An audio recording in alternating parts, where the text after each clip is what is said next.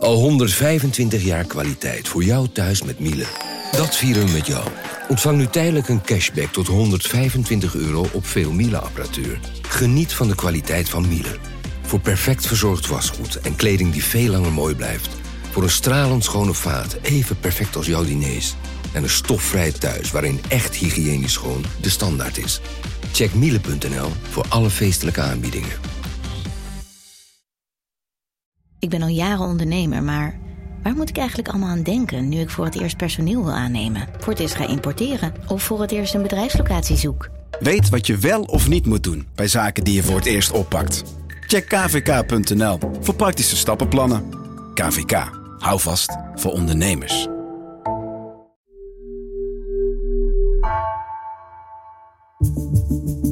Vanaf de redactie van NRC het verhaal van vandaag. Mijn naam is Floor Boon.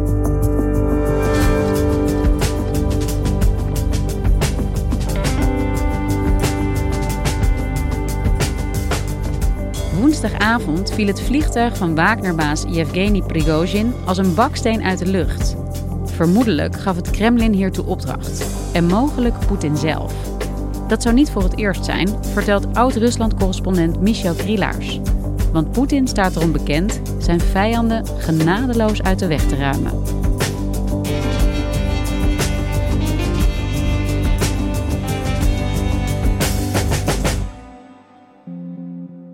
Ik werd woensdagavond om een uur of negen gebeld door de redactie van Het Oog op Morgen. En die zeiden uh, heel vrolijk tegen mij: uh, Je weet zeker al waarom ik bel.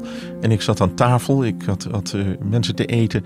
Dus ik had het nieuws helemaal niet gevolgd. En toen hoorde ik dat Prigozhin was neergehaald, dat was zijn vliegtuig. De baas van het Wagner-huurlingenleger, Yevgeny Prigozhin, is waarschijnlijk om het leven gekomen bij een vliegtuigcrash Zijn zakenvliegtuig is neergestort onderweg van Moskou naar Sint-Petersburg. En dit zouden dan beelden zijn van het neergestorte vliegtuig. Взорвалось, падает. Ты посмотри, падает. Ik keek naar de video's op, op social media en dan zag je ineens dat vliegtuig uh, van Prigozhin, dat zag je als een baksteen uit de lucht vallen. En vervolgens zag je het op de grond liggen en uh, was het helemaal in vlammen. Dus je wist dan ook meteen dat alle inzittenden uh, de verkoold uit de voorschijn zouden komen.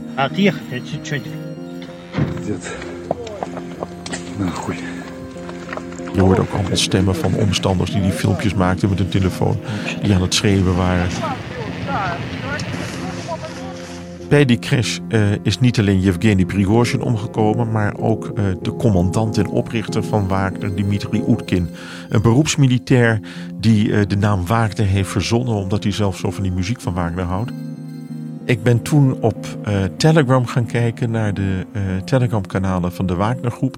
En daar zag ik ook een filmpje gepost worden met uh, de muziek van Wagner. Uit de Walkuren van Wagner. Daar komen de Walkuren, dat zijn strijdende vrouwen die komen aanzetten. En dat is muziek die, uh, die iedereen herkent.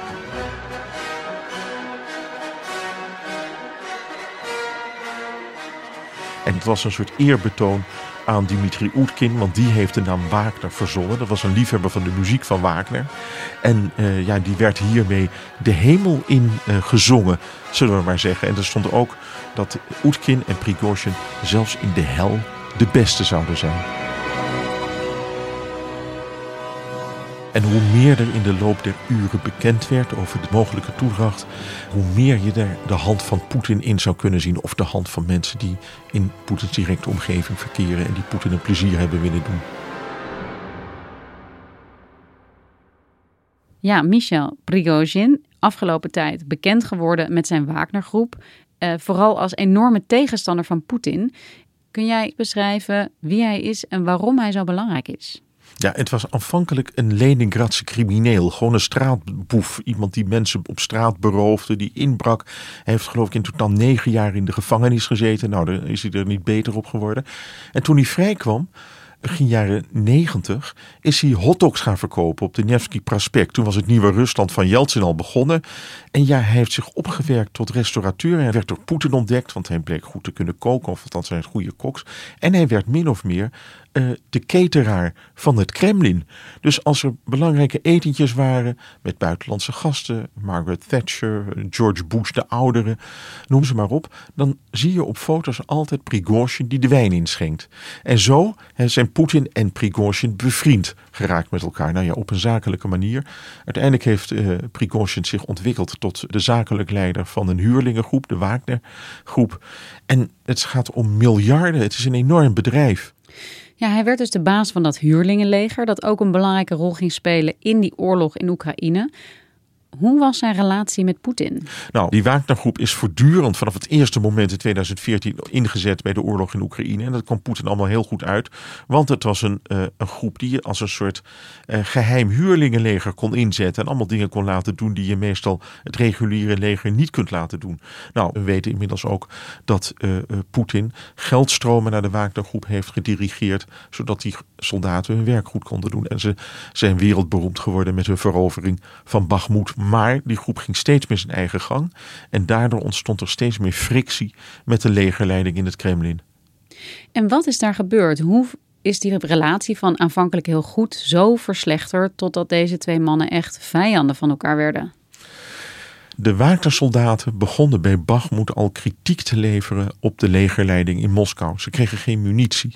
Ze stierven uh, zonder dat daar bij wijze van spreken aanleiding toe was. Want als ze betere munitie hadden gehad, betere tanks en noem maar op, dan waren er waarschijnlijk niet zoveel manschappen gesneuveld. Dus op een gegeven moment begon Prigozhin in het openbaar op social media kritiek te leveren op het Kremlin. En dan ging je heel erg tekeer. Шойгу! Герасимов! Где боеприпасы? En dat is hem kwalijk genomen, want de, de president, hè, de tsaar, moet altijd ja, onaantastbaar zijn. Dus daarmee heeft hij de ergernis van Poetin gewekt. En vervolgens kreeg hij te horen dat de Wagnergroep zich per 1 juli zou moeten onderwerpen aan eh, het reguliere leger. En dat betekent dat ze gewoon onder de commandostructuur van het ministerie van Defensie en de legerstaf zouden vallen. En waarschijnlijk ook een groot deel van hun materiële bezittingen, hun vermogen dat ze in Afrika hebben vergaard met uh, goudmijnen en diamantmijnen, zouden moeten afstaan aan de Russische staat. En dat schijnt een van de redenen te zijn geweest dat hij oprukte naar Moskou. Het conflict tussen het huurlingenleger Wagner en de Russische legerleiding escaleerde vandaag totaal. De groep, verantwoordelijk voor Russische successen in Oekraïne, keerde zich tegen Rusland en liet dat ook direct zien. Een paar duizend Wagner-soldaten zaten in Rostov aan de Don, het hoofdkwartier van het Russische leger in de oorlog eh, tegen Oekraïne. En die zijn toen eh, van het ene moment op de andere met een uh, fractie van hun eenheid opgerukt naar Moskou. Het waren zo'n 1500, 2000 man. En ze werden overal doorgelaten op allerlei controleposten. Er is één weg, de M4, die gaat van het zuiden naar de hoofdstad. En ze reden daar ongestoord door. Op een gegeven moment zijn ze bij Waronis, uh, stuiten ze op tegenstand van, een, van de luchtmacht. Er zijn helikopters uit de gehaald door de Wagnergroep. En toen bleek ineens dat die Wagnergroep echt de top of de bill materieel hadden. Gewoon het beste luchtafweer geschud. Hele mooie panzerwagens zag ik. Want ze waren heel erg goed uitgerust. Dus je zag het is een elite-eenheid eigenlijk. En op een gegeven moment zijn ze op zo'n 150 kilometer voor Moskou. Hielden ze stil en keerden ze om. Waarom? En dat weten we nog altijd niet. Het schijnt dat uh, familieleden van de Wagner-leiders gearresteerd zijn door het Kremlin. En uh, er is ja, op een gegeven moment een deal gesloten. Ik denk dat Prigozhin had gehoopt dat hij steun zou krijgen van de legereenheden die in Moskou waren gevestigd. En van de geheime diensten. Die steun bleef uit. Toen zag hij dat zijn zaak verloren was. Want hij kon wel doorrijden naar Moskou, maar wat zou er gebeuren? En tegelijkertijd was het voor ons als waarnemers ook een zaak dat wij ineens zagen dat Poetin helemaal geen steun kreeg van het leger en de veiligheidsdienst. Want die zaten met hun armen over elkaar. En een deel van uh, de Moskouse elite nam het privévliegtuig naar Dubai. Was ineens verdwenen. Dus uh, er was een heel spannend moment, 24 uur lang. Het is muiterij, misschien loopt het wel uit op een koep. Misschien verdwijnt Poetin wel, wat krijgen we dan? Burgeroorlog, de hele wereld zat te speculeren. En toen ging alles als een nachtkaars uit. Dit was 23 juni, een ongelooflijk spannend moment dat denk ik echt in de hele wereld op de voet is gevolgd. Wat gebeurde er sindsdien? Ja, kijk, Poetin had natuurlijk gezegd dat de, deze actie een dolkstoot in de rug van het leger was. Was buitengewoon woest en zei ook dat de daders of de schuldigen zouden worden gestraft. Het merkwaardige is dat er door bemiddeling van de Wit-Russische president Lukashenko een zogenaamde deal zou zijn gesloten. Waarbij uh, de, de muiters, die 1500, 2000 man, naar Belarus zouden gaan. En daar in legerkampen zouden gaan uh, zitten. En een, het grootste gedeelte van Wagner zou alsnog opgaan in het reguliere Russische leger. Nou, vervolgens ontspon zich een, uh, een zoekplaatje waarin iedereen maar ze ging afvragen waar hangt die Prigozhin toch uit? Waar is Wagnerbaas Prigozhin? Where in the world is Wagner chief Evgeny Prigozhin? Zijn vliegtuig is in Wit-Rusland aangekomen, maar de vraag is of hij erin zat. Wagner-leider Prigozhin zou inmiddels in Belarus zijn aangekomen. Dat zegt althans de Belarussische president Lukashenko. This is the grainy video posted on Wagner's social media channels that appears to show the mercenary leader greeting his troops in Belarus. CNN can't definitively confirm the speaker in the video is in fact Rogozin or even when the video was recorded. Maar op een gegeven moment bleek dat hij gewoon zijn zaken heeft voortgezet. Hij reisde heen en weer tussen Moskou en Sint-Petersburg. Hij werd zelfs nog in Afrika, in Niger, zou je zijn gesignaleerd. Althans, er was een filmpje gemaakt dat hij daar bij 50 graden Celsius in de woestijn stond. Dus het zag er naar uit dat, dat Prigozhin gewoon rustig kon doorgaan met waar hij altijd al mee bezig was. Behalve dat hij die Wagnergroep niet meer als militaire eenheid eh, kon inzetten aan het front in Oekraïne. Maar als je de geschiedenis van Poetin bekijkt, hoe die optreedt tegen mensen die hebben verraden, wist je dat Prigozhin vanaf dat moment een dead man walking was.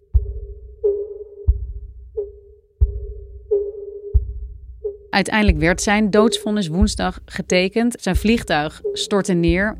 En ja, met alle onzekerheden die eromheen hangen, uh, zeggen steeds meer mensen toch dat de pijlen naar Poetin wijzen. Maar wat is daar nou precies over bekend? Nou, we, zullen het nooit weten. Zoals we van heel veel eerdere raadselachtige moorden uh, van Kremlin-tegenstanders het ook niet weten. Maar volgens experts was het geen ongeluk. Bovendien past het helemaal in het patroon wat je altijd gewend bent als tegenstanders van Poetin worden uitgeschakeld. En wat bedoel je daarmee? Ja, de dood van Prigozhin en Oetkin past in een reeks moorden uh, uh, waarvan we eigenlijk nooit hebben geweten wie erachter zat. Maar ik noem de moord op Litvinenko, een overgelopen FSB-man begin jaren 2000. Ja, vermoord met polonium door een goede vriend van Poetin. Het beeld zoals de meesten hem zullen herinneren. Alexander Litvinenko op zijn sterfbed in 2006. Kort daarvoor drinkt hij in dit Londense hotel thee met twee andere Russische spionnen. Groene thee met daarin het uiterst giftige en radioactieve polonium. Poetin zou persoonlijk opdracht hebben gegeven om zijn criticus zo uit de weg te ruimen. Je hebt de moord op Skripal, overgelopen KGB-man in Londen een paar jaar geleden. Het lijkt rechtstreeks uit een spionage-thriller te komen. Een Russische oud-spion en zijn dochter zijn zondagavond in kritieke toestand opgenomen in het ziekenhuis. Ze zijn waarschijnlijk vergiftigd. En er zijn, eh, sinds de oorlog is begonnen, is er nog een behoorlijk aantal minder bekende oligarchen die ineens uit het raam vielen of uh, in een buitenhuis op Mallorca hun hele gezin overhoop staken en vervolgens ook nog zelfmoord pleegden. En dan blijkt toch ook dat dat waarschijnlijk door anderen is gedaan allemaal. En dat zijn ook klassieke KGB-methodes. Dat kennen we ook uit de tijd van de Sovjet-Unie. Dat gebeurde eigenlijk onder Stalin ook. Je werd altijd in het buitenland. Ze wisten je te vinden. En dat is natuurlijk altijd een waarschuwing voor degene die misschien overwegen om iets tegen de leider te ondernemen. En het gebeurt altijd op een moment waarop je het niet verwacht, maar wel nadat Poetin een tijdje daarvoor heeft gezegd dat hij de verraders of de overlopers tot aan hun graf zal achtervolgen. En wat speelt hier nou de belangrijkste rol? Waarom wil Poetin deze mensen uit de weg ruimen? Poetin is een man voor wie loyaliteit op de eerste plaats staat. Hij is loyaal jegens alle mensen die hem dienen. Een dictator heeft om te kunnen overleven de steun nodig van de politie, van de veiligheidsdiensten en van het leger. Niet voor niets is Poetin altijd eerst aan het aftasten op wie die kan rekenen als hij iets belangrijks gaat doen. En dat, dat zie je de hele tijd door. Poetin staat erom bekend dat hij een man is die altijd veel tijd nodig heeft om een beslissing te nemen. En als je hem steunt, en dat zie je ook bij heel veel generaals, dat zijn niet de armsten onder de Russische bevolking. Dat zijn allemaal multimiljonairs met grote huizen in Engeland, in Italië, waar ze nu allemaal niet bij kunnen door die sanctiepolitiek. Maar eh, ze worden er rijkelijk voor beloond. Ja, dus loyaliteit is het allerbelangrijkste. Um, Prigozhin, die was toch een beetje uit hetzelfde hout gesneden. Misschien wel is Poetin. Die wist dat toch ook. Die kon toch ook uittekenen dat het onvermijdelijk was dat hij uiteindelijk dan ook aan zijn einde zou komen. Ja, het merkwaardige is dat je misschien wel moet spreken van hoogmoed. Want Prigozhin heeft de afgelopen twee maanden gewoon zijn, uh, zijn werk kunnen blijven doen, zijn zaken. Zelfs de, op woensdag had hij nog een contract gesloten met de burgemeester van Moskou voor de leverantie van voedsel aan alle scholen in de hoofdstad. Dus zijn zakenwereldje imperium kon ongestoord worden doorgevoerd. Het is natuurlijk ook heel merkwaardig als we het over hoogmoed hebben, dat die hele Wagner-top in één vliegtuig zat. dat zul je bij andere uh, belangrijke figuren uh, in de wereld niet zo snel meemaken. Ik denk niet dat Biden en, en zijn vicepresident in één vliegtuig met elkaar gaan zitten. En het scenario waar we nu eigenlijk de hele tijd van uitgaan, is dat die opdracht van Poetin kwam. Om in ieder geval Prigozhin te vermoorden om tunnelvisie te voorkomen en om een beetje verder te denken, zijn er ook nog andere scenario's mogelijk? Nou, je zou kunnen denken dat het uh, iemand is geweest die Poetin zou willen behagen. Hè, die in, in, een, in een uh, goed blaadje bij hem zou willen komen door dit te doen. Dat gebeurt natuurlijk wel vaker. Je denkt, de leider wil dat. Als we het doen, maken wij promotie en dan uh, zitten we goed. Kijk, je moet ook bedenken dat Poetin niet in zijn eentje de baas is. Hij is afhankelijk van een aantal zeer trouwe paladijnen. Het hoofd van de FSB, de secretaris van de, van de Veiligheidsraad. Allemaal oud KGB-vrienden van hem. En die steunen hem. Die zouden het ook kunnen hebben gedaan. Maar op een lager niveau binnen het leger heeft niemand de macht om zo'n besluit te nemen. En wat betekent de dood van Prigozhin nu voor Poetin op dit moment en voor het Rusland dat Poetin bestuurt? Uh, we kunnen twee uh, kanten op. Enerzijds zou je kunnen denken, Poetin heeft laten zien dat hij de baas is, dus voorlopig zit hij goed. Maar aan de andere kant weten we niet hoe de samenleving, dan denk, denk ik voornamelijk aan het leger en mensen, gewoon burgers bij wie Prigozhin populair was. Want het was een soort, een soort popheld bij wijze van spreken, hè, voor de mensen die in die oorlog geloven. Hoe die gaat reageren. Je ziet nu al dat er overal kransen worden gelegd en monumentjes voor Prigozhin en Oetkin worden opgericht in Rusland op straat.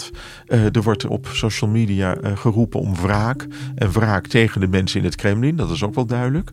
Maar je weet niet welke kant het op gaat. Je kunt alleen maar bedenken dat Poetin die afgelopen twee maanden ook heeft uitgevogeld op hoeveel steun Prigozhin nog binnen de Wagnergroep zou kunnen regelen. Maar het kan net zo goed zijn dat er legereenheden zijn die nu nog aan het front uh, vechten, dat die op een gegeven moment een, ja, een nieuwe mars op Moskou gaan organiseren. En dat is de onzekere factor voor de komende tijd. Het wordt dus uh, zaak van alles heel goed in de gaten houden en iedere uh, beweging in het Kremlin onder een vergrootglas te leggen. En de Wagner-groep, hè, zij zijn niet alleen maar in Oekraïne actief, maar op heel veel plekken in de wereld en hebben enorm veel macht uh, vergaard, ook in de loop van de tijd. Prigozhin was daar het gezicht van. Wat betekent dit nou voor Wagner?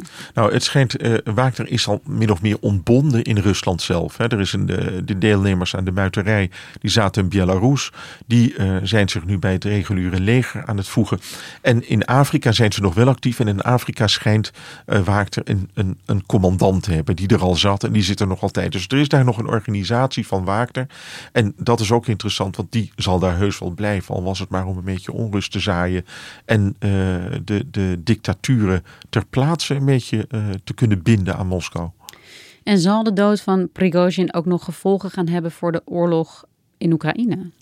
Nou, daar kun je op dit moment ook weinig van zeggen. Je ziet dat de Oekraïners er hun uh, schouders over ophalen. Het is hoogstens zo dat als er onrust ontstaat. Kijk, het moreel binnen het Russische leger aan het front is heel erg laag. Dat zal door de dood van Prigozhin en Oetkin alleen nog maar verslechteren.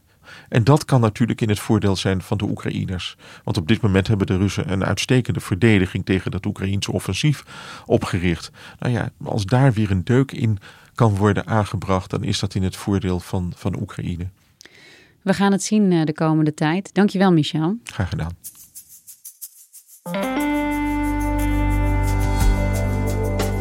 Je luisterde naar vandaag, een podcast van NRC. Eén verhaal, elke dag.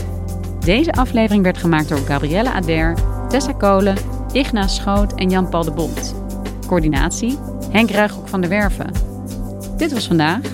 Morgen, zaterdag, weer.